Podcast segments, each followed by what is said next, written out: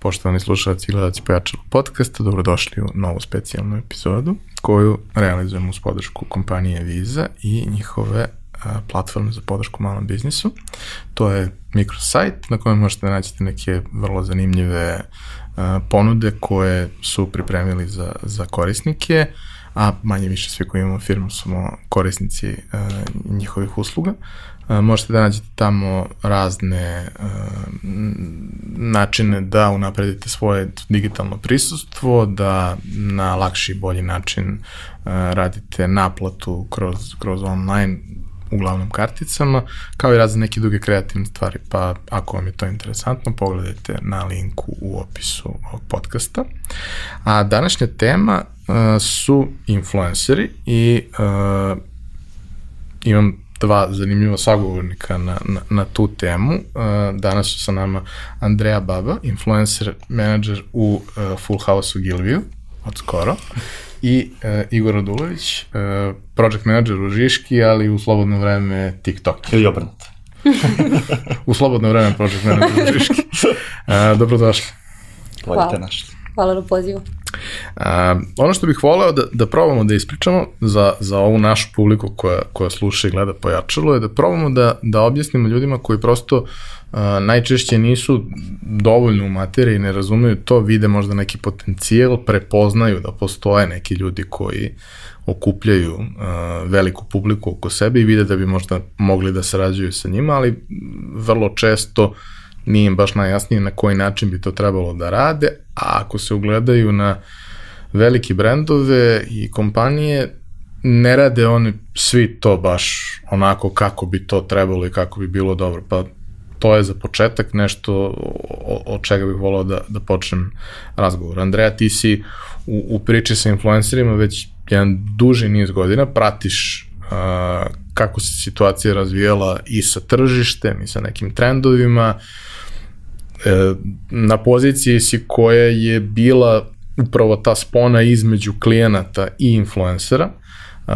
Kako tebi deluje da, da danas ta saradnja izgleda? Odnosno, e, da li smo na nekom dobrom putu da ta saradnja ima više smisla i za jedne i za druge, a onda samim tim i za sve? Pa moram da kažem odnosno na samom početke da to se negde kreće u dobrom putu, ali imamo osjećaj da sad već smo počeli da stagniramo. E, dešava se da dolazi do velikih nesuglasica i tu negde, ovaj, negde smatram da same krive agencije koje stoje između baš klijenta i influencera, e, negde se jasno ne odredi šta zapravo influencer treba da radi i ne komunicira se influenceru šta treba da radi, na koji način treba da radi i šta se od njega očekuje. I sa druge strane ne sluša se šta te influencer ima da nama da kao povratnu informaciju. Uh, opet tu je problem i razgovor sa klijentom gde agencija uvek idu tim nekim lakšim putem bez prepreka i kako klijent kaže tako se radi. Nema one moment da se objasni klijentu hej mi to ne želimo tako, mi mislimo da to ne treba tako, poslušaj nas, Vidite ono kao, ok, klijent je rekao, mi to prenosimo dalje i to je to. Uh, ja sam imala, već četiri godine se bavim influencerima i imala sam ni situacija gde klijent traži nešto od nas i da je od mene dobio feedback, ne, to nije dobro i mi ne želimo tako iz tog, tog, tog i razloga, mislimo da nećemo imati dobre rezultate, hajde da promo ovako. I uh, feedback koji bilo od klijenta je uvek bilo hvala, uh, zato što smo ih negde i edukovali smo ih šta zapravo radi influencer i na koji način treba sarađivati sa influencerima. Uh, ali da kažem, početak te, tog nekog problema saradnje jeste što se ne biraju adekvatni influenceri. Agencije danas imaju te neki kažem, mode danas da a, agencije daju 100 influencera i kao hajde da pokažemo da mi znamo influencere, umesto da kada klijentu daju predlog, daju predlog 3 do 4 influencera za koje mi sigurno znamo da odgovara brendu i odgovara kampanji koja se radi. Mm -hmm. Jer danas je toliko influencera da više nije bitno da li imamo taj samo brand match, ono kao brand odgovara, influencer odgovara brendu, brand odgovara influenceru, već i sami kampanje trebamo da bi mu dali odgovaraju određenim influencerima ali, eto kažem, agencije danas imaju te momene da što više influencera to bolje, pa kao ni klijent bira. Uh, a, klijenti nisu toliko, mislim i ne treba toliko da se bave ošte influencerima i nisu toliko edukovani da bi mogli da izaberu i onda je se ide ono kao ima naj, najveći broj pratilaca i najpopularniji idemo sa njima. Da, na nivou prepoznavanja. Od prilike, da. Njih znam, oni su da. najbolje rešenje za nas. Mislim, to je nešto što, što je u drugim, da kažemo, oblastima advertisinga postojalo godinama unazad, ideš na safe stvari i ostaviš eventualno ako si malo malo otvoreniji brend ka tome, ostaviš određenu količinu budžeta da se probaju neke druge, pa ako to radi onda malo povećaš, da. ali on kao 80% budžeta ide na stvari koje su safe i kao svako hoće u to neko staro vreme, screenshot svog banera sa blica. Ove, vi to ne razumete, ali nije važno. Ove, ali, ali prosto tako je išlo i tada. I koliko god se stvari menjale, očigledno se ne menjaju ove, dovoljno brzo i očigledno da ta količina poverenja koja bi trebalo da postoji između agencije i klijenta nije uvek na, na mm. zadovoljavajućem nivou. Mm -hmm. E sad ti dolaziš iz jednog malo drugačijeg okruženja, a, modernijeg, mlađeg. bila su, bila su oba osnivača. Ovaj, Volim kako kaže, pričali su Žiška je jako mlada agencija, jedna da rade mladi ljudi koji razumiju mlade, to je taj stereotip. Zvuči zastrašujuće. ovaj, mada bio sam, nije, nije mi delovalo toliko hostile, ovaj, ali uh, kako to izgleda iz vašeg ugla. Prosto vi handlujete uh, klijente koji su čini mi se koji imaju malo bolje razumevanje mm -hmm. u mhm. proseku u odnosu na ostali, jer su vas birali kao nekog ko radi te malo zahtevnije kampanje, vrlo često vezane uz neku, neki sadržaj i nešto, mm -hmm. dakle nije baš default stvar koja, koju obično agencija. Da, pa ja moram da kažem da imamo tu neku, ajde kažem, sreću, da radimo zaista većinski sa klijentima koji potpuno si to razumeju i da to poverenje o kojem si pričala postoji zaista. Ovaj, ali postoji jedna druga stvar koja je često problematična, a to je da se na influencere gleda kao na neki kao dodatni medij, otprilike, koji sada podrazumeva u sklopu svake kampanje. Ja se ne sjećam, možda čak i nije postojala kampanja koju smo radili, a da nije sadržala i bar 90% ovaj sadrži, da ne sadrži predlog influencera koji se na kraju desi. I tu dolazi ona do tog sukoba oko količine influencera zapravo, ako kao, ajde, na primjer, lanciramo novi proizvod, i treba nam da to što više ljudi vidi, um, automatski se povlači želja da imamo što više influencer. I to čak onda ne dolazi s strane agencije želja, nego sa strane klijenta dolazi želja da imamo što više influencera kako bi što više ljudi vidio taj proizvod. I onda se nekada dešavaju te saradnje koji imaju malo manje smisla. Ovaj, malo su manje uklopljeni u sadržaj influencera ili, ili su onako deluje kao neki nametnuti sadržaj koji nije njima baš, baš srodan. Ali da, moram da kažem da postoji taj problem koji si rekla, ali dosta, dosta manje ovaj, mislim da samo poverenje između agencije i klijenata kod nas dosta ovaj, na visokom nivou. I onda kada mi nešto predložimo, ovaj, dešava se zdrava diskusija ovaj, koja, je, koja je baš cool. Um, to je dosta ali, redko sa agencijama. Da. E, ali postoji jedan, drugi, postoji jedan drugi problem koji nije komunikacija agencija-klijent, nego je komunikacija influencer-agencije. Uh, jer u nekom ono, savršenom vakumu, savršenom svetu bi trebalo da influencer utiče kao ima svoju reč o sadržaju koji kače na svom profilu, što nažalost zvuči toliko očigledno, ali, ali nije uvek slučaj uopšte, često je to veoma nametno, to je uzmi ovaj proizvod, uradi ovaj fotke se, a on čovjek kači video. Ovaj, um, u savršenom ono kao svetu bi to značilo neki sastanak ili šta god kao to su influencer, klijent i agencija i onda bi to svi zajedno pričamo o tome šta taj sadržaj treba da, da ovaj, sadrži kako treba da izgleda i to se zapravo i dešava ponekad u praksi. Imali smo i taj slučaj, ali to su uglavnom, za takve stvari se ima vremena i prostora kad su dugoročne saradnje u pitanju.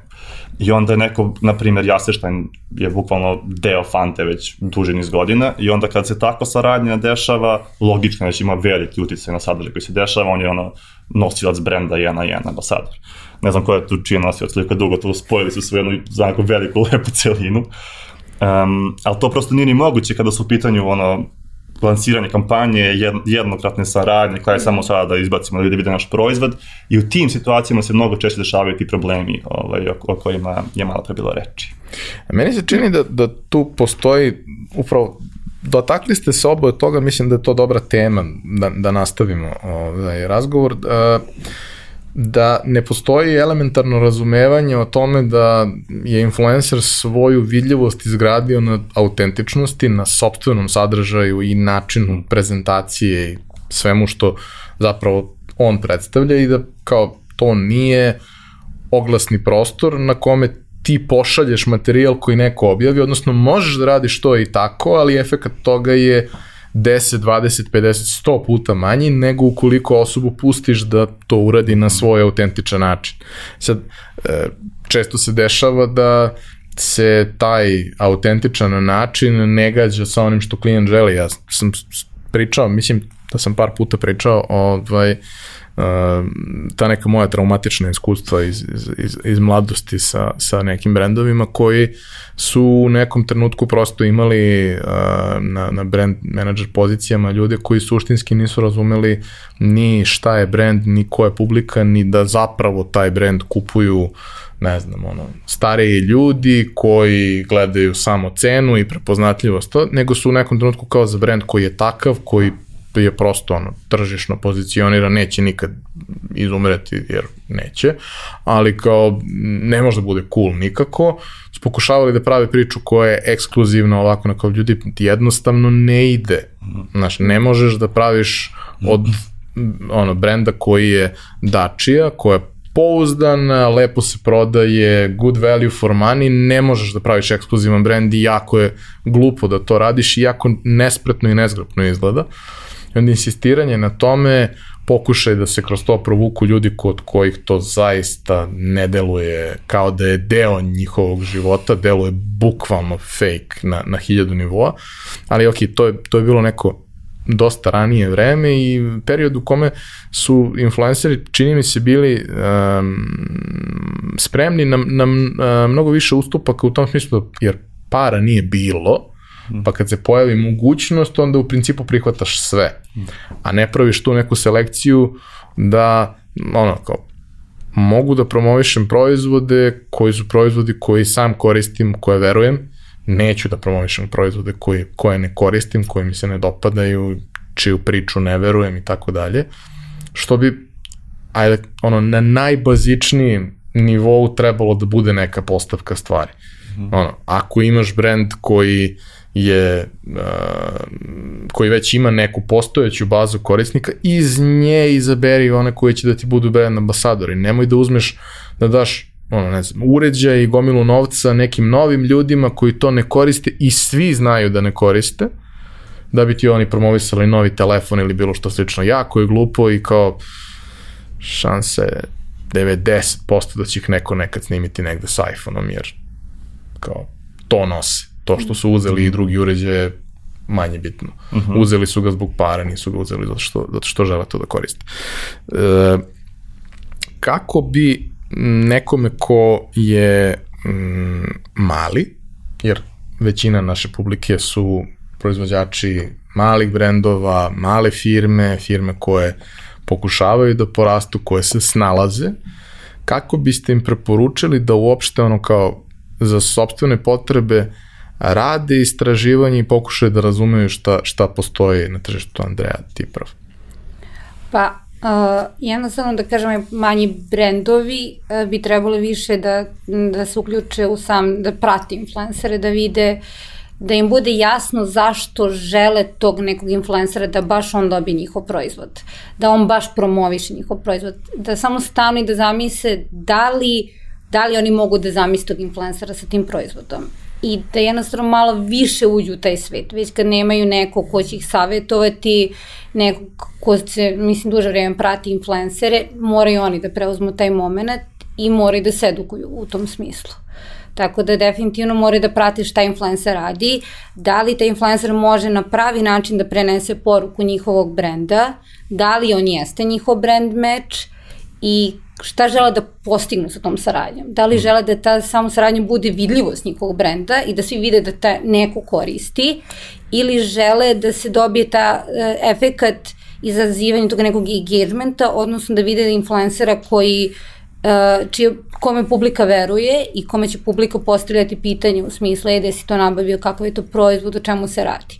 Tako da prvo treba da u svojoj glavi imaju jasno uh, zašto žele tog influencera i šta žele da postignu tom saradnjom i da onda krenu istraživanje što Instagrama, Facebooka, YouTube-a, sad i TikToka i da znaju i na kojoj platformi žele da se pojavi, na kojoj platformi se nalazi njihova ciljna grupa.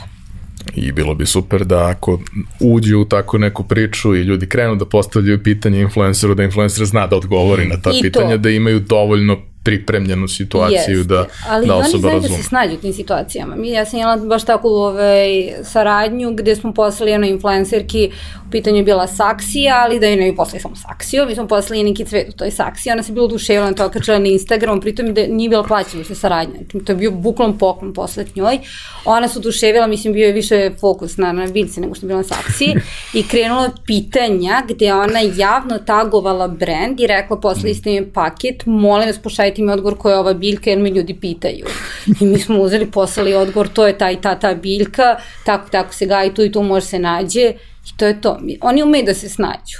Samo je jako bitno, kažem, da znamo kog influencera želimo i zašto njega želimo. Da li mi stvarno vidimo taj brand, jer mi smo znali da ako pošaljemo taj cvet nekom kog ne interesuje cveće, taj neće ni dokači sliku kamali bilo šta, a ovde smo znali da je to žen, devojka koja prvo voli pokloni, ako volite znake pažnje i, i voli moment gde nećemo da kažemo e, ajde ovo objavi i da to bude u tom i tom roku i da se na fotografiji nađe to, to, to i to, nego smo jednostavno poslali smo je cvet uz poruku ako želiš objavi normalno, ali stvarno ti nije obaveza, ovo smo želi samo da ti poklonimo.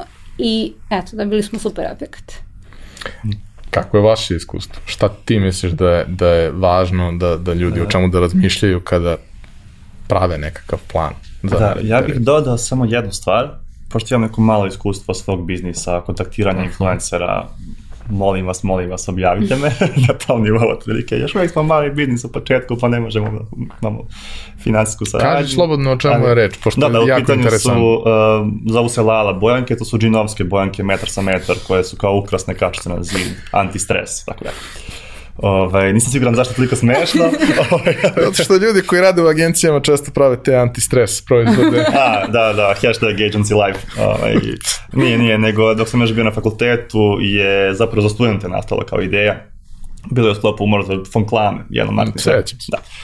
Um, kao projekat studentski koji je baš usmeren na marketing i onda je to zapravo bio deo kampanje, bilo je još veće, bilo 2 metra sa metara, sve je bilo, bilo rukom crtano, markerom, onda su tu studenti bojili kao za vreme ispitnog roka kao antistres i lepili su za to, pa smo prepoznali da, da kreće dobro odlutao sam. Uh, dodao bih samo jednu stvar, a to je da mi deluje da mali biznisi treba baš da izbegavaju influencere koji reklamiraju mnogo brendova. Ok, verovatno treba svi da izbegavaju, ali to um, mnogo više važi za male brendove, jer su onda samo, pogotovo ako je plaćena saradnja, toliko se utope u more, ono 12 storija za redom koji su još uvek aktivni, preko na 24 sata i četiri brenda ima u tih 12 storija, to je toliko česti, ono, česta situacija kod malo većih influencera. I onda je to tu samo jedan od brendova koji se tu pojavio, ga je na storije, dobio sam ovaj paket ili šta god, ne postoji efekat, ili jako, jako mali efekat mislim da je mnogo efektnije pronaći influencere koji čak postoji mnogo influencera, ako smo mala zemlja, postoji mnogo influencera, ono, sa čak preko 10.000 pratilaca u određenim nišama, koji još uvijek nemaju saradnje ili ono kao čak fejkuju da imaju saradnje da bi kao ja sam otvorila ovaj DM paket. Mm, a, ok, kao sigurno. Takvi influenceri su jako cool zato što prvo i njima je to prva saradnja i onda više truda ulože u to nešto što objavljuju, što je mnogo bitno da to što je njoj bilo stalo da objavi, to je bilo zaista srećna, taj efekt se lakše postigne kod tih nekih manjih, ne toliko zastupljenih influencera. A drugo, jedini smo tu, nema, nema drugoga. Ona reklamira nas, ima komunikaciju jer se još uvijek trudi ti koji ima 300.000 pratilaca jako slabo komunicira sa svojom publikom, ovaj koji ima 10.000 odgovara na sve poruke koje dobije. I tako neki efekti koji mi deluju da su baš, baš dosta više bitni za, za male proizvode, to male brendova, nego za velike koji samo idu kao masovni awareness, imamo novu čokoladicu. Ne. Oni mogu da koriste možda i te veće za, za ovaj rič neki koji žele da imaju. Ja bih samo ovde uskočila, a, mislim da je to generalno greška malih brendova kada pošalju influenceru paket i napišu molim vas objavite mi ili negde skrenu kao želim da budem objavljen na tvom kanalu i tu mislim da influenceri imaju gard. Kao, uh, influen, mi moramo da budemo svesni da influenceri su postali novi mediji i novi posao. Oni toliko rastu da će jednog dana stvarno postati zvanično posao sa radnim vremenom, oni izdaju fakture, oni imaju svoje cenovnike, ja znam jako veliki broj influencera koji stvarno imaju svoje cenovnike, koje tačno znamo, ako se, ne znam, proizvod pojavi u prvoj sekundi, to košta toliko, ako u sredini videa košta toliko, ako na kraju toliko, ako slika stoji 7 dana, ko, mislim, jednostavno oni su postali posao. Zvuči zastrašujuće. da, ali stvarno jes, to je, to je novi posao, posao novih generacija I mislim da oni često imaju gard prema tome kao, ok, trebam to tebi da učinim besplatno, ko je meni mm. pomogao kad sam ja bio mali. Uh, više mi, uh, bolji način jeste da kada stvarno pošaljemo paket nekom influenceru, pošaljemo bez razmišljanja da će onda objavi ili ne. I da mu mhm. napišemo iskreno zašto smo mu poslali. Znam mnogo primera, uh, čak i znam i drugarica koja se bavi proizvodnjom nakita koja je poslala influencerki koja je veća influencerka, poznatija, poslala je Minđuše zato što je ona spomenula da za neki komplet nema Minđuše, ona je rekla, tebe dugo pratim, jako volim tvoj rad, iz tog i tog razloga želim da ti pošaljem.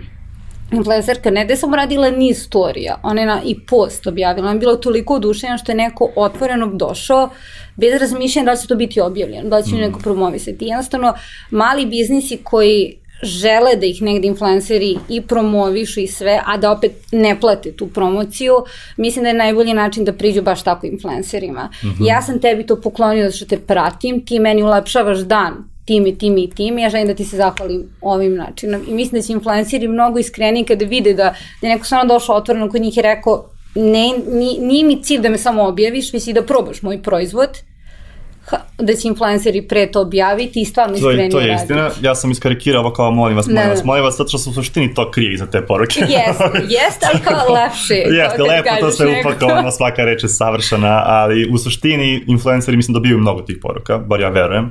I onda znaju oni što se krije za toga. Na kraju će odlučiti da li mi to što će dobiti cool ili nije i da li misle da će njihove publici pa biti to, cool ili ne. ali kad ono kad vidiš znaš, neke stvari koje njima stvarno sviđa i stvarno ih pogodiš. Mm -hmm. Mislim, ja znam dosta influencera, na primjer, koji imaju kućni ljubimci, ako im ti pošleš neki poklon za tu kućnu ljubimcu koju ne obožavaju kao dete i kao setio si se, to je lepo, meni to yes. kao slatko je i verujem da će objaviti, ako ne odmah, Da, bit će trenutak neće imati šta da, da objavi bit će kao, e, taman, to mi je sad sadržaj, super, danas mm. ja kao nemam fotku da okačem na Instagramu mm. ili nemam story ili nešto, imam sadržaj. Tako da, što tiče malih biznisa, kažem, samo trebaju da, da budu sigurni zašto to nekom žele da pošalju i da stvarno žele to nekom da pošalju, a ne da im je primarno u glavi aha, koliko će to ljudi vidjeti, koliko će mi ljudi se jave, aha, a da će ona dobivi tada, da će dobivi tada, da će ona što dobivi, jednostavno pošaljite, rizikujte, probajte pa...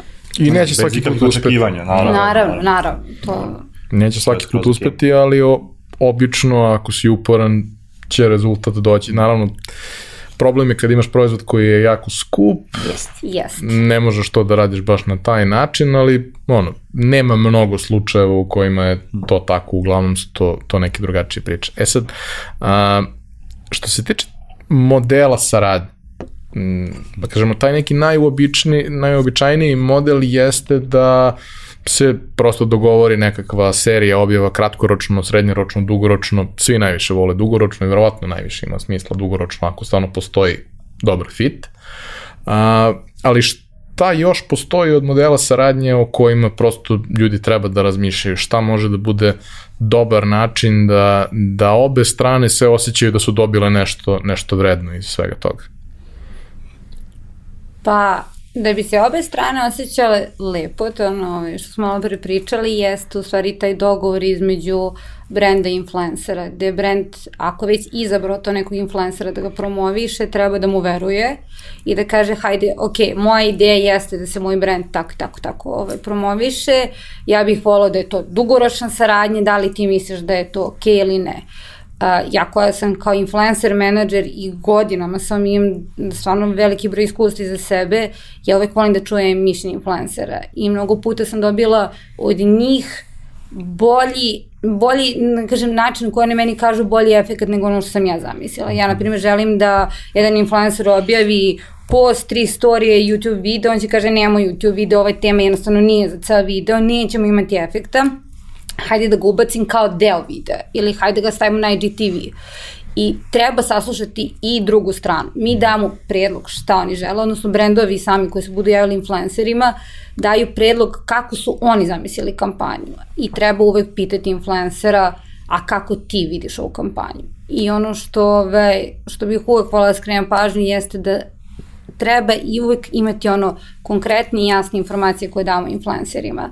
E, mislim da danas imam problem kada kažemo ja želim tri storija i na kraju to bude deset storija ili moment kad kažemo ja hoću tri posta, ali ne ograničimo vremenski. Nije isto kada ti imaš tri storija na mesečnom nivou i tri storija mm -hmm. u šest meseci da jednostavno samo treba da budu jasni šta, ono, kako oni zamisle kampanju i da pitaju druge strane, da čuje mišljenje influencera i tada će taj neki kompromis kada se nađe i jedna i druga strana biti zadovoljne.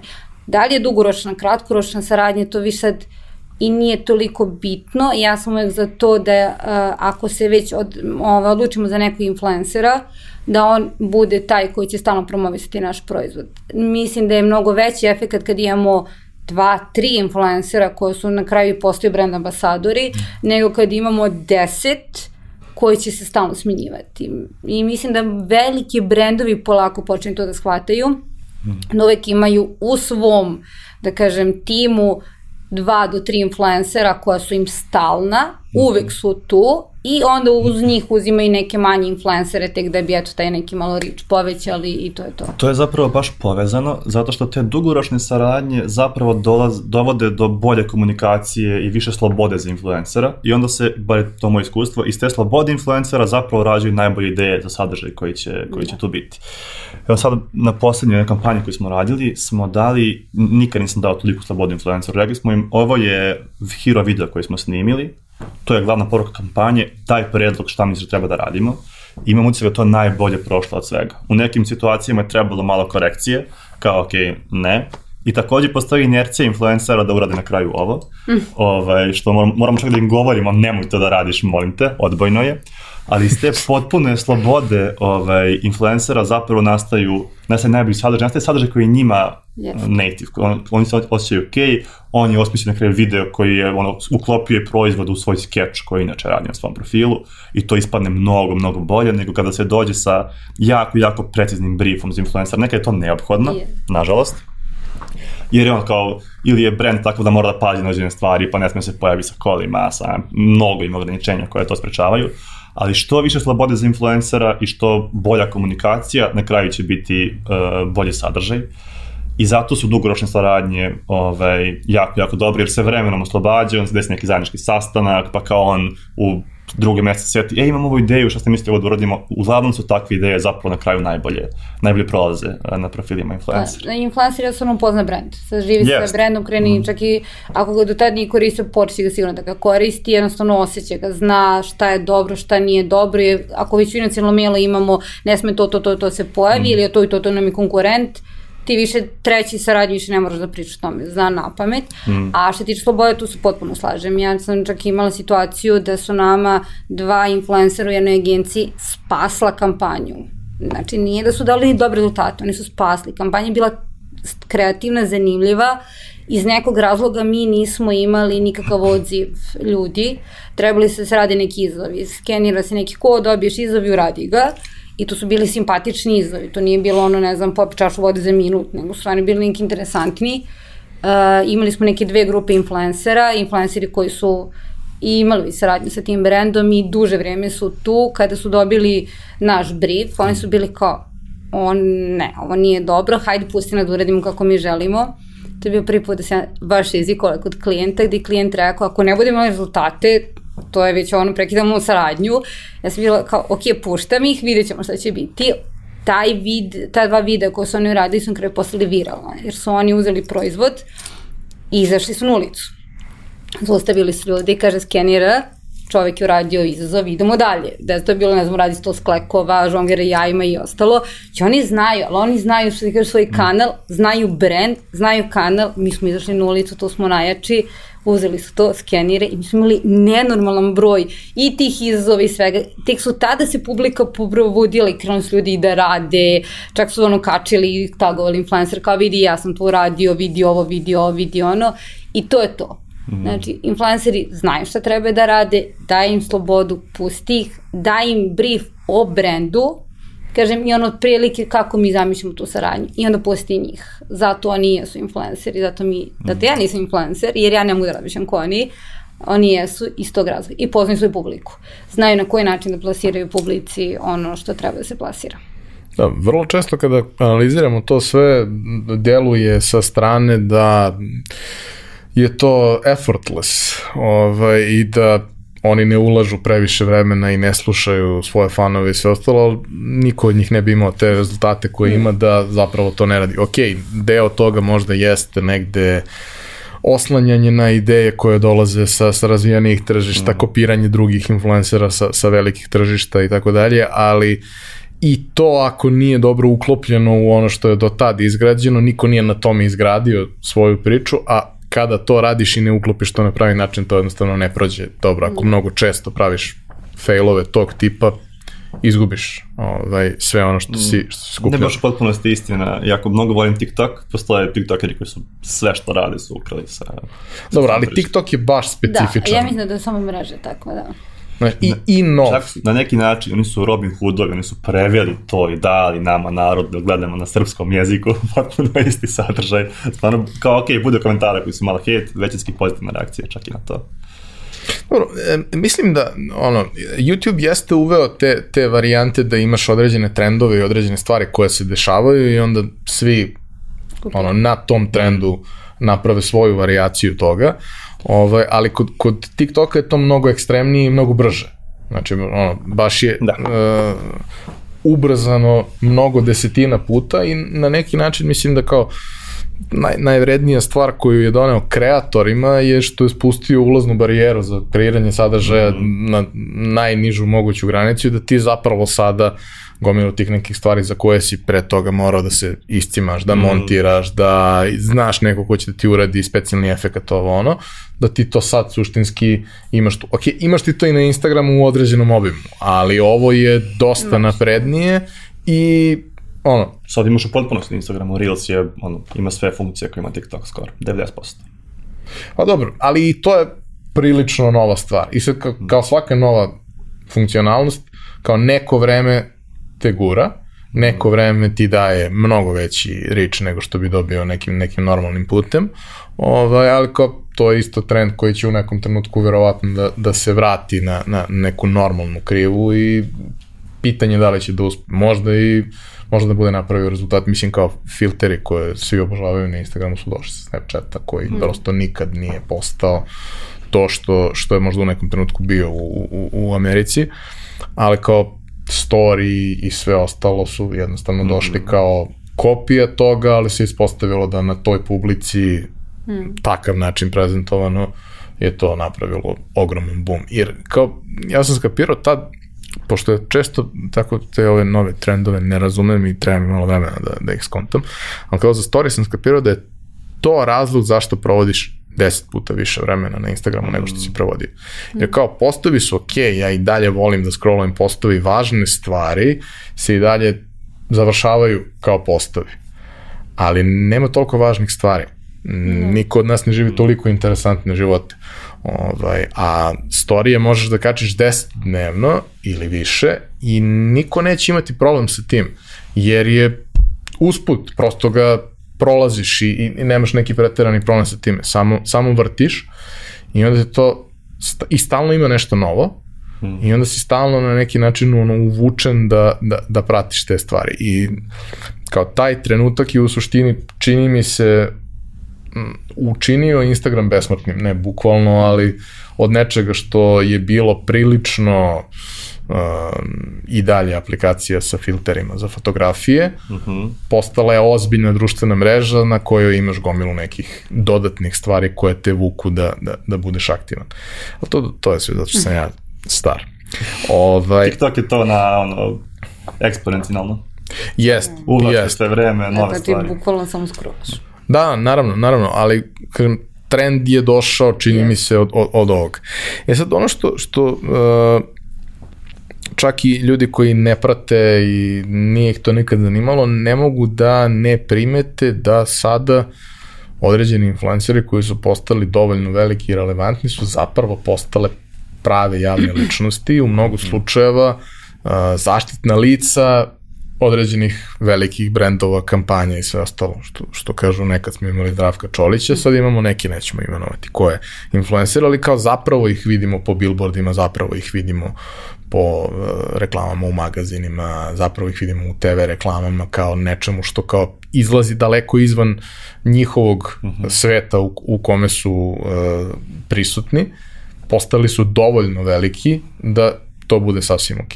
Uh, koliko takva reklama, takva vrsta saradnje ima smisla, a koliko je to samo show off? Za koga smisla? Za influencere ili za brendove koji koriste? Za, za influencere ima smisla verovatno zato što je komercijalno jako mm -hmm. isplativo i samim tim je ok. Ali koliko tako nešto ima smisla za brendove jer kao u mnogome prevazilazi okvire onoga što je uobičajna saradnja. Pa ja ne vidim razliku među, će ti užasno, pripremi se, tebe će da zaboli, ali ne vidim razliku preveliku između Bake Prasta i Zdravka Čolića u tom smislu. ok, hoćeš, hoćeš znači, malo soli. Ono, dajte mi još nešto ja, uzom u vodu. Mogu ja ću vodim ovde.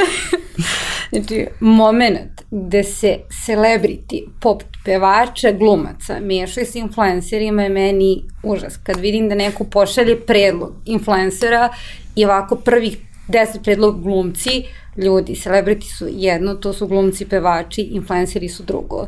I Iako meni ima to... onih koji koketiraju i sa jednim i sa drugim. Oni koketiraju, ali oni su prvo su jedno, onda su mhm. drugo. Kao što imamo i tiktokere, imamo influencere koji su influenceri u smislu Instagram, Instagrameri i youtuberi koji su ušli i na TikTok, tako imamo i ovo. Imamo mi influencere koji snimaju pesme, ali oni nisu pevači. Mi ne možemo da zovemo malog Andriju jo pevačem jer je učestvovao, ne znam, na, na Euroviziji, on je influencer, youtuber, on je tu jak i to je njegovo.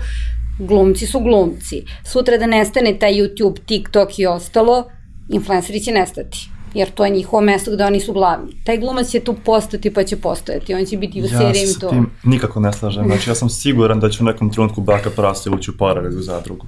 To ali mi je to... tako dobar spoj, a to su te komercijalne ličnosti. Znači. Jeste, ali, ali, okay. to, ali recimo kad razmišljaš o reality programu kao, meni je to takođe samo jedna zatvorena društvena mreža. Jeste. To nisu mainstream poznate ličnosti. One su poznatije od mainstream poznatih ličnosti sada. Znaš, ima onaj, skoro sam vidio neki, pošto ja to redko vidim na internetu šta ljudi objave, taj neki video gde kao svi prepoznaju te ličnosti iz zadruge, niko ne prepoznaje Ivo Andrić. Ne. Ali mislim kao, kad su oni mogli da vleje sa Ivom Andrićem? To, to sam ja tada kažem, to, to je velika razlika, mislim da miješamo to. To je kao kad bi se rekli da je Facebook isto što Instagram, isto što YouTube. Nije, to su mreže, to su različite mreže, tako i ovo. Ovo su celebrity, ovo su influenceri, ovo su publisheri. To je ta neka treća grupa koja ne treba sad opet mišati sa ove dve grupe. I to je generalno problem kod nas u Srbiji, što u svijetu već drugačije. Mi za sve što zna više ljudi što prati, ne znam, 400-500k ljudi, mi njih smatramo influencerima ili ih smatramo celebritijama. Znači, mm -hmm. ono kao trebamo razgraničiti ko su šta su. Prvo, nisu isti rezultati ako uzmemo celebritije i ako uzmemo influencere. Uh, to je prva stvar, ne dobijemo iste rezultate, ne, do, ne dobije se isti efekti i postoji razlog zašto je Zdravko Čolić pevač, a nije influencer ili ajde uzmemo nekog mlađeg, ne znam, Breskvica, je ona peva, ona je Ona jeste da snima za Instagram, ona se promoviše putem Instagrama, ali ona zanima nijenu saradnju s brendom. Ona će dalje biti pevačica. Influencer, ako nema saradnju s brendom i nema te neki utice, on neće biti influencer. On nema sa čim da utiče na ljude. On nije ne, neko ko ima nešto iza sebe. A sad radimo tvoje pitanje, pošto smo malo to već odlutali. Uh, mislim da uh, što se tiče brendova ja ne vidim to, opet kažem to je opet vađenje influencera iz njihovog sveta, njihov svet je online svet i to stavljanje na billboard i ostalo uzimanje kao zaštitnog lica mislim da je show off, da nije toliko kao, da će do, dobiti neki efekat. Što se tiče influencera, uh, mislim da influenceri, evo čak i poput Baka Praseta i ostalog, uh, taj moment kada postanu previše uh, poznati odaljavaju se od publike. A influenceri su popularni među publikom zato što su oni nama dostupni. To nam upravo što si rekao. Jedan, je, bilo ko od mlađe publike, starije publike neće prići nekoj glumici, pevaču na sred ulici i nešto mu reći, tražiti autogram i ostalo. influencerima se oni obraćaju kao da su njihov, njihova ekipa. Ja sam deo nečije ekipe i to je, mm -hmm. tu su influenceri u stvari napravili dobru priču da šetaćem ulicom, prići će i Dariju, i Čodi, i Baka Prasetu. Koliko puta smo čuli njegovim klipovima, Bako pozdravi me u klipu. Jer ja imam pravo da ti to kažem, ja sam te stvorio i ti si deo moje ekipe. A celebrity su već nešto drugo. Tako da mislim da tim velikim billboardima, snimanjem tih nekih velikih reklama, influenceri se malo daljavaju svoje publike. Mm -hmm. Imaće isto, imaće isti broj pratilaca, samo mislim da neće imati uh, dovoljno influence na ljudi, jer polako onda klinci gube tu neku povezanu sa njima ili ljudi što koji ih prate. Nekako nisu, postaneš, postaješ previše poznat i ti više nisi negde iz mog okruženja. Ti si već sad poznat. Tu se dešava druga stvar, a to je neko naš je uspeo, prilike je tako. Hajde I, da ga uništimo. A ima i toga. ne. E, sve to što je sad, ovaj, što si rekla je u potpunosti tačno ali mislim da se te dve stvari odavno spojile. Još uvek postoje kao, ha, on je kao pevač, ali na primjer šta je, šta je ovaj mali, kako se zove, o bože, je mozak, od dečka od Ukiku. A, Sergij. Da, šta je on? Da je on pevač ili influencer? Sergij ja je sigur. pevač, a pre, onda je tiktoker, pa tek onda influencer, jer on je, da, Sergij je ušao na TikTok, onda dok je bio mm -hmm. na mhm. Instagramu, njega niko nije znao. Nje, on je tek postao, on je prvo krenuo na TikToku, tek mm -hmm. onda, znači onda nije bio u zvezdicama Granda ko bi znao za Sergeja. Da li bi on nikad bio poznat na, na Instagramu i šta mm -hmm. on radi da utiče na ljude. On njega znaju kao, pevaju njegove pesme, to kada bi, da li je, ne znam, uh, Fox, da li on pevač ili influencer? To je to, znaš, Fox je on pevač. On je verovatno više pevač nego influencer, zato što nije toliko aktivan, ima samo Instagram ili šta već ima kao, ali je i jedno i drugo u određenoj ali meri. Ali gde je krenuo? Gde, gde je odakle on krenuo? Šta je, njemu, šta je kaže njegova baza? Od toga mi u stvari gledamo. Jer jeste, kao influenceri, oni svuda imaju svoje društvene, mislim, oni su svuda, imaju ih i na Instagramu, i na YouTube i ostalo, ali oni imaju jednu bazu, dakle su krenuli. Mm -hmm. Mi imamo tiktokere koji su bili godinama su na Instagramu. Nikada ništa nisu radili. To jednostavno ne, nisu bili vidljivi. Otišli su na društvenu mrežu koja je postala njihova glavna društvena mreža i mi njih nazivamo tu. Znači oni su tiktokeri ako su krenuli sa tiktoka. Da, ja samo mislim da je suština da su svi oni kao neke multimedijalne zvezde i onda je Baka Prase i pevač, i influencer, i instagramer, sve to, sve to u jednom. I to je sada sve češća pojava, mnogo više se prelazi sa te početnih influencera kao vamo, zato što je više komercijalno kojem se isplati da rade, Baka Prasa kad izbaci pesmu, doživi najveću ekspanziju. Iako ima 10 miliona pregleda, njegova publika se udara u srce i govori šajm se, ovaj, nije im to odbojno uopšte. Um, a Za razliku od svih ostalih. A to su onda skapirali i ovi što su ne znam kako to da definišemo, da kažem, imali talent, pošto je biti influencer neka vrsta talenta, truda, kako god to želimo da Ali neki konkretan. Ko, e, konkretan talent, da, da zna da peva ili da glumi. I oni su to skapirali, onda oni prelaze na ovu drugu stranu i onda su pevači na TikToku, e, jedan najveća zvezda, na Instagramu su, koja je najveća influencerka na Instagramu kod nas još uvijek Karno Karleuša po broju, po broju pratilaca, zar ne? Ove... A, ovaj- zato što Instagram je takva mreža da ti izbaciš koju sliku, ali, znaš, uh, i Karleuša kad bude objavila da, ne znam, vozi Porsche-a, mm -hmm. to je za nama kao pa dobro, to je Karleuša ko zarađuje gomilu para i to je meni nedostupno. A kada uh, Baka Prase objavi da je uh, kupio Lamborghinija i da je to kupio zahvaljujući svojoj publici, mm -hmm. Aha, znači ako budem influencer i imam publiku, ja ću sutra moći da... Znači ti si deo mog sveta, ti si tu, ti si meni dostupan i ja mogu da radim ono što i ti velikim delom istina, ali je toliko preklopljeno da je to toliko mala, mala tanka razlika. Mislim kao i Karleuša je zbog svoje publike popularna. A? Gde, ali, gde je tačno ta razlika? Uh, mislim da za to preklapanje su krivi uh, marketeri, odnosno ljudi iz marketičke agencije. A zašto? To znači da je trebalo što... Karleuša da bude samo na billboardu? Ne, a... ne, ne, ne, ok da ti imaš Instagram, ne kažem da njih ne treba, samo mm -hmm. ih treba razgraničiti. Zašto ti, naprimjer, da li ti, kad kaže ja puštam kampanju, ti mm -hmm. sebe ograničiš, puštam samo na Instagramu. Okay. Ne, puštam i na Facebooku i na Instagramu, puštam i Google kampanju i ostalo. Tako i ovo. Samo ih jednostavno treba razgraničiti ko su, šta su. Jer ta Karleuša sutra možda ugasi Instagram i ona će dalje poznati post. I tvoja mama, moja mama, uh, klinci znaju ko je Karleuša, ali ti i one celebrity poznata je, ali manji broj ljudi zna ko je, evo sad ti pitaj čodu, da, da ne stalno ne idemo ko baka prasite, ko zna za čodu? On ima veliki broj na Instagramu, on je jak na Instagramu. Koliko godina ima osoba koja zna za čodu, to je isto dosta bitno. Jeste, znaš, i kao imamo tu negde, samo Ali- treba napraviti to. Drugo, Ne, ti ja sam si poznat, imaš gomilu para i od mene si udaljen. Ja tebe gledam kao zvezdu. Meni je, ja ne mogu da kažem da je neko influencer samo zato što ima veliki broj na- ka na Instagramu. Za mene je, ne znam, Celebrity je Radmila Živković, to je glumica koju ja obožavam. I ona meni jeste idol, ali ona je meni mnogo udaljena. Ja nikad njoj na ulici neću prići i reći daj mi autograme, kako se, šta je ovo, šta je ono. A gledam mlađe generacije kojima su, da kažem, ajde, idoli, influenceri, oni će prići. Ja sam imala, ja svaki put kad izađem sa influencerima da snimim nešto, ja moram da molim objekat ili nešto da nama obezbede to. Jer ljudi prilazi, tu sred videa ljudi prilazi, e, Bojana, lupam, videla sam da si koristila to i to, kako je taj, taj krem. I to su stvarno te, te, ti momenti.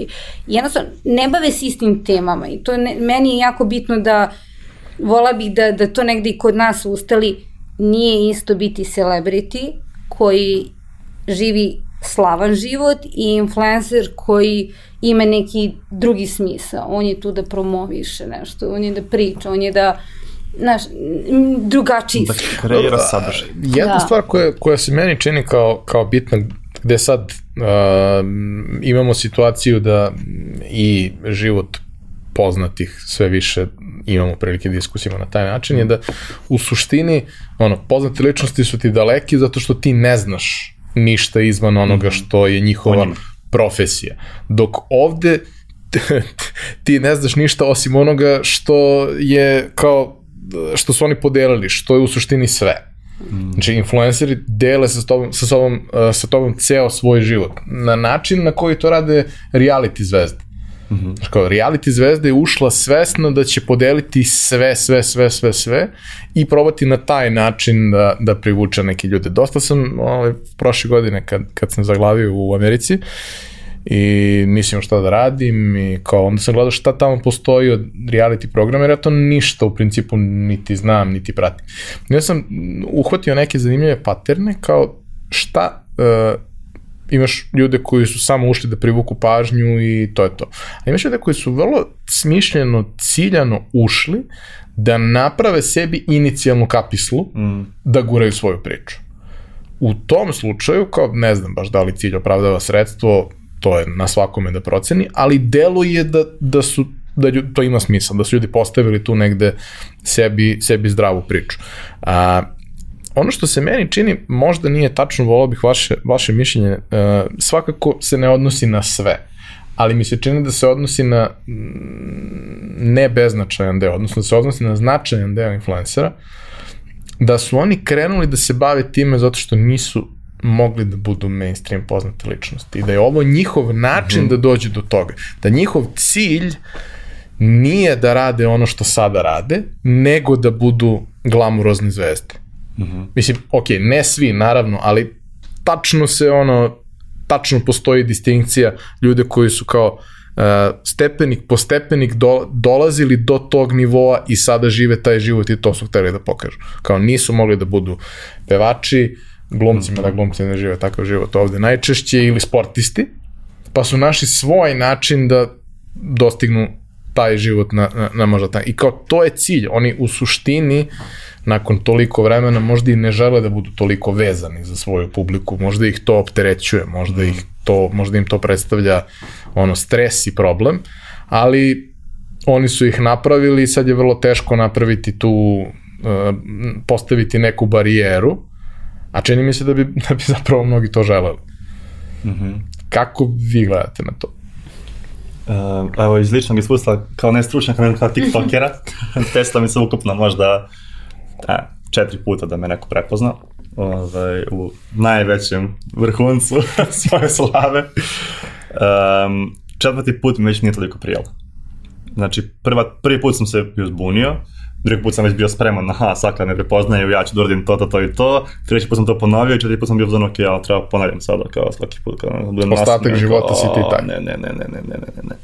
Ove, siguran sam se to dešava. I ovaj, mislim da zapravo veliki broj influencera da je sad popularna reč, izgori, ovaj, baš iz tog razloga. To neko zadovoljavanje publici zapravo, i u nekom trenutku više ne želiš da zadovoljavaš publici. Onda tvoj sadržaj zapravo postane samo, postoji samo zbog publike, ne radiš više ništa zbog sebe.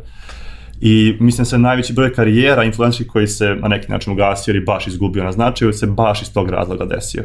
Ove, tako da neki samo to guraju, sigurno sam svako ima u nekom trenutku, ili bar većina, ovaj, većina normalnih ljudi ima u nekom trenutku to kao, ok, hoću svoju privatnost i da radim nešto samo za sebe i da odem u maksi da me niko ne prepozna.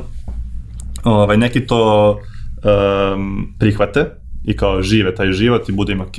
Neki čak skroz odustanu od svoje karijere zato što im um, to baš smeta. Ili naprave čak barijeru sa, PewDiePie je dobar primjer za to, koji je kao najveći influencer svi ikada, mm. ovaj, gde ima, uh, kao, ima video gde priča kako ne želi više da, da mu prilazi ljudi na ulici. I onda kao ima zaboravio si šta je bila, kao imao je kod koji moraš da izgovoriš da bi on, da bi smeo da mu priđeš. Ako ne znaš šta je kod, ako nisi pogledao taj jedan video kad je on izgovorio koji je njegov kod, on samo ti iskulira. I kao njegova baza je to prihvatila kao, ok, ako ti ne znaš što, nemaš ni pravo da priđeš sa PewDiePie-em, on je sebi napravio neku granicu i kao, to mu je okej. Okay. Ti, ti ljudi su stvarno užasni. ne. Pa ne, ali kao zamisli da imaš 100 miliona pratilaca i da gde god u svijet, ne možeš da pobeda iz Srbije bilo koji influencer da je bilo gde preko, prepoznaće ga jedan Srbin. Ovaj, PewDiePie-a gde da se pojavi u Beogradu sada došlo bi 10.000 ljudi. Ovaj, ja bar pretpostavljam, ja bi došao. Verovatno mnogo više. Verovatno mnogo više, da. Tako da, naši influenceri zapravo i mogu da pobegnu. Nije tako loš. Odiš malo u Japan, Skoliraš se. Pa, da, ja sam otišao u kinu, onda su mi ljudi prišli i rekli super ti je podcast. Ovaj, I od tada otprilike ono, razmišljam, jako razmišljam i doziram šta gde pričam i Može? pazim šta pričam u kafani i tako dalje. Možda tebi leži influencer, sam ti ne, nek, ne mora. Ne da. mora. A, Ali jes. Ne, nek, influencer za starije. Ne. Pa da. A, za sam kraj bih volao samo jednu stvar da, da dotaknemo. Mislim da se lepo naslanja na, na, na ovo što, što sam prethodno pitao, a to je da e, čini mi se da u sklopu tog e, velikog cilja da postanu te poznate ličnosti koje više ne moraju da ogoljavaju svoju intimu svakodnevno u tom obimu da bi, da bi privlačili publiku. Dosta influencera, naravno trend je iz razvijenih zemalja, ali već je stigo kod nas, dosta influencera kreće da razvija svoje robne marke, kreće da gura tu priču. Ok, imali smo mi to sa celebrityima pre ovoga. Ja sam čak učestvovao u par nekih projekata pre deseta godina sa nekim ono, proizvodima koje promovišu celebrity kao sobstvene, mm -hmm. da, da je to neki joint venture. Uh, to mi deluje kao potencijalno interesantan model saradnje koji može da ima proizvođač koji nema vidljivost, a koji nađe neko ko je, ko je dobar fit. Ne nužno ogroman influencer, mm. ne mora to da bude, ne moraju to da budu milioni ljudi, posebno što mali proizvođači ne mogu ni da proizvedu milione proizvoda, pa samim tim to, to nije toliko presudno, ali uh, kako tebi, Andreja, izgleda ta cela priča sa, sa influencerima koji stvaraju svoje brendove i razvijaju svoje brendove? Meni je to okej, okay, mislim, meni je super. To je nešto što njih, da kažem, to je njihov neki zaštiti znak. Svaki influencer je odabrao nešto, kažem, aj sa majice su najpopularniji, to se svi imaju. Dobro, to je merch, to nije da, brand, to mada nije, jeste i brand, ok. Ali, evo, na primjer, meni Dunja Jovanić izbacila super priču, ona je negde mm. pidžame, su mm. njeno, ono, neki zaštitni znak i ona ispričala zašto sam ja izbacila pidžame, to je zbog toga, toga i toga. I to je nekako, to nju negde simboliši, meni je to super. Ne volim moment kada se influenceri pojavljuju svuda i kada to nema neku povezanu sa tim uh, i nema neke logike poput uh, limenka gde piše baka prase, meni je to bilo zašto? Bar nešto da je bilo autentično na toj limenci, što njega karakteriše da, ali ovaj, mislim da je okej okay da, da, da ljudi izbacuju, to je negde uvek i postojalo, zašto da ne? Mislim da čak i njihova publika voli da ima nešto da osjeti da je to njihovo. I nisam sigurna da influenceri sve što rade, da su kad su krenuli želi da budu poznati. Mislim da je to tek negde došlo u slučaju. Da, mislim da je svima njima pokretač novac. I oni stvarno ovo što rade na, na Instagramu, YouTubeu i ovo što mi nazivamo influencing, oni to vide kao posao i to njima jeste posao. I to kada naprave neki svoj brand, opet vide kao način da ako ja sutra prestanem da se bavim ovim, imam neki brand koji će ostati i koji će to dešavati. To je To je čak pokušala i Zorana, Zorana Jovanović je prva krenula sa tim. Ona je imala svoj butik i svoju modnu marku u jednom od ovih, kako se zove, tamo centara. Da imala svoj shop. To su gasilo nakon i, znaš, s njema mama razbolila, mnogo puta pričala o tome, nije mu ko da vodi taj moment, ali ona je jedna od prvih krenula sa tim i to je okej, okay, to ja imam nešto drugo, ne znam, ona danas sad ima i svoje neki kafiće, restorane, ali to je samo neki način kako će oni zarađivati sutra kada nestane ovo Dobro, diversifikacija prihoda svakako. Da, ali mislim da da. I mislim da je to super prilika za male brendove i domaće proizvođače koji mogu da se povežu s influencerom i da zajedno napravi neku kolaboraciju da izbace nešto. Zašto ne bi se napravilo, ne znam, ako imamo danas uh, influencer koji se bave hranom, food influencere, zašto sa njima ne bi napravili neku kolaboraciju i napravili nešto što je za njih, neke to džem sa nekim ovaj, posebnim ukusom i da znamo da je to njihovo i da to ljudi koji prate tog influencera zna da on voli ovaj, da kombinuju te neke dve, tri stvari i mi smo napravili tim. Namaz, bilo šta, evo sad Dunja što bacila odeću, ali Meni je to skroz ok. Meni je super kad imaš taj moment da, da deluje kao da su ti ljudi, da je to njihova ideja, da su oni zaista bili mm. uključeni i naši su adekvatnog partnera koji to ume da proizvede na nivou kvaliteta. Mislim kao nerealno je da će sad neko ko, ko nije u toj priči proizvodnje, da sad kao formira svoj tim, mm, pravi, mm, ne, kao naći ćeš neko ko će uslužno da proizvodi, ali prvo, da proizvodi nešto što je autentično tvoje, ne mora da bude da si ti to napravio, ali da si učestvovao u da. procesu da. definitivno i kao u tom slučaju mi to ima smisla. U slučaju u kome ti dođeš i daš proizvod i kažeš no, da. evo, a stavimo ovde tvoju sliku i tvoje ime, Nema to. To mi deluje kao jako, jako loša varijanta i da, da neće imati efekta. Možda i hoće, u nekim slučajima možda se potrefi da, da to super radi, ali mi se čini da, da, to, da to nije to. Mislim, taj moment sa merchom mm -hmm. je kao jedan od prvih stvari kako su oni uopšte uspevali da bilo šta monetizuju, da prave svoje majice, majice su, mislim, kao default, majice, dukserice, garderobu, yeah. Da. uh, ali kao, to mi nije to, to mi je Nešto. merchandise, to je, to je priča za sebe. Ali ovo je nešto gde ti praviš proizvod koji još kažeš jedinstven, ali jeste, jeste specifičan. Majica da. nije jedinstvena, jedinstven je natpis koji je na mhm. majici, majica je ista kao sve ostalo. Ok, deca žele tu majicu zbog natpisa, mm -hmm. ali kao kada praviš brand, malo je drugačije. Malo mi se čini da bi ljudi trebali više da žele to što je taj brand, a ne natpis, samo isključivo da. natpis koji, koji je na njemu. Kako tebi, Igore, to sve deluje? Ti si mlad. To, to što je taj brand, taj natpis i jeste brand zapravo. Shime se je Bakin brand. To je to. Nije, ovaj, nije to nešto odvojeno, kao zbog fore. Ne, ne, Bakin brand je Shime se, bukvalno kao što je Coca-Cola brand, tako i Shime se brand ovaj, njegov. Tako da meni to potpuno, to isto kao kad kupiš Nike majicu zato što imaš litirano ovde, tako isto Baka Prasi ima Shime se majicu, potpuno isti mehanizam. Ne vidim tu neku veliku razliku. Uh, Um, razmišljam sve vreme zašto se ne dešava više ovih stvari koje si ispričala i kapiram da je zato što je preskupo zapravo. Uh, kogod ti, ako uzmeš mainstream influencera da bi imao širu publiku za svoj proizvod što je uglavnom cilj, ovaj, on već ima svoj brand, kao šta sad proizvodiš, ne znam, dukseve i kao radiš sa bakom prasetom. A, okay. nisam, nisam baš siguran, da. Ali, na primjer, ovo za džem, uh, radim sam, šta da radim, šta da radim sa bojankama sada? Šalim se, zapravo sam imao baš ovu istu ideju, to što mm -hmm. ste pričali, a to je da mi poznata jedna ilustratorka nacrta uh, bojanku. I nisam 100% siguran da je, da je to dobra ideja, ali treba probati. Zato što je publika onda jako uska, da. uh, jer ona će nacrti nešto specifično za nju i onda targetiram samo njenu publiku, nema razloga da neko kupi ovaj... Misliš, neće se preliti na matični brand? Vrlo moguće, da, da. To će kupiti neko ko je njen, mislim u pitanju zombijana, ovaj, već neko vreme razmišljam kako da, da to uradim. Um, Zombijana, ako gledaš. Zombijana je, zombijana je cari. To Jeste, da, naravno. Ma, sarađivali smo sa njom više puta. Um, mislim da je to baš, baš dobra prilika koja ne znam da li je još testirana dovoljno još uvek i, i sada influenceri kada izbacuju svoj, na primjer, ova, kako se zove, bože, šest puta smo izgovorili ime što ima svoju vodeću E, blokada. Dunja Jovanić. Dunja Jovanić, ona je izbacila svoj brand, nije u saradnji, tako, Da. sa nekom modnom kućom, sa bilo čim, nego je svoju stvar uradila. Dobro, ali vjerovatno proizvodi neko ko Pa da. ima know-how. Na primjer, mali Iv. Sigurno, da, ali ne znam da li ima bilo kakvu vrstu promocije kroz to. Pa ne ili, mora da znači, samo znaš, njen brand.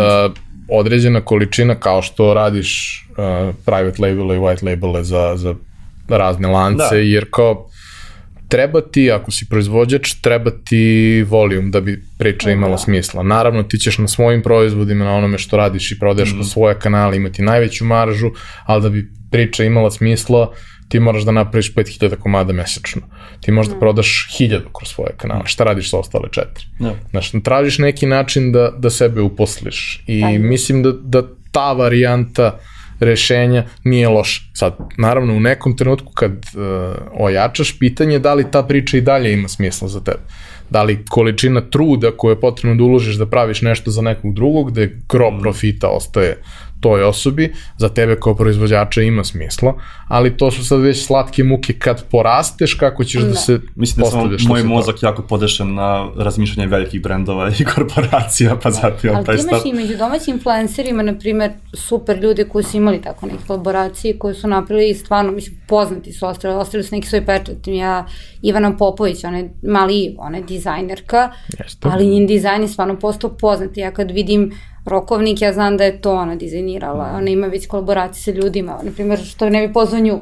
Ja, Znaš, stvarno je i ona kad uradi, nju prati publika koja nije samo vezana usko za dizajn.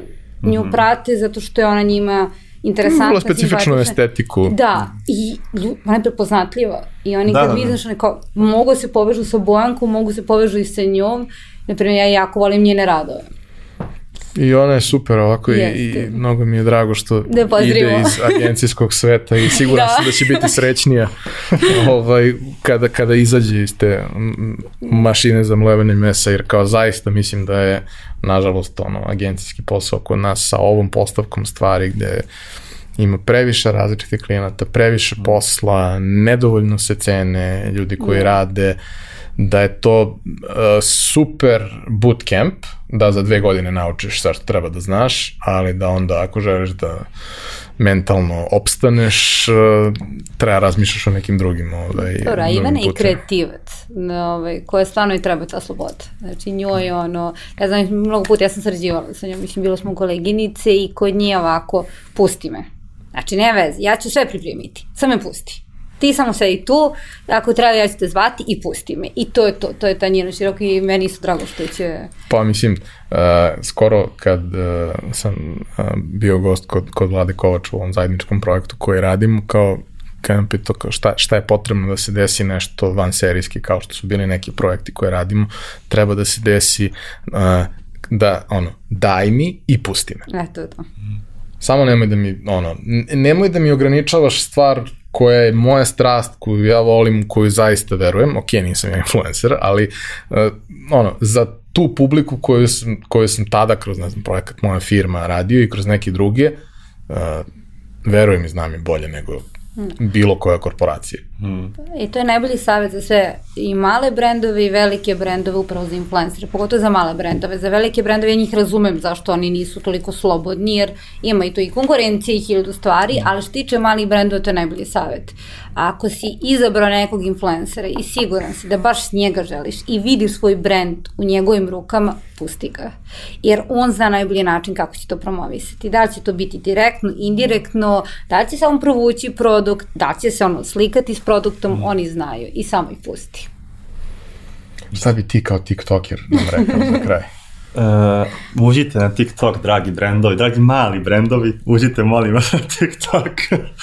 Influenceri sa TikToka čekaju vaše saradnje. Um, pa mislim da je bila baš dobra poenta ovaj, za kraj i na kraju sumirala sve, a to je zapravo suština je sloboda, zar ne? Da li je dugoročna saradnja, kratkoročna saradnja, ovaj, kakva god da je vid i koje su mogućnosti kompanije, nekad prosto verujem da mali brendovi nemaju mogućnost da kao ima influencerima godinu dana, dajte slobodu influencerima.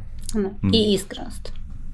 Da, to je jako bitno, zato što kada brendovi manji često imaju averziju prema influencerima i u fazonu su oni su skupi, ja ne mogu da radim sa njima, budite otvoreni, recite, ok, ja želim da se to, to tako radi, kada vam oni daju koje cene, recite, ok, ja ne bih mogao toliko, ja za, ove, za taj, taj novac koji mogu da odvojim, šta mogu da dobijem od vas?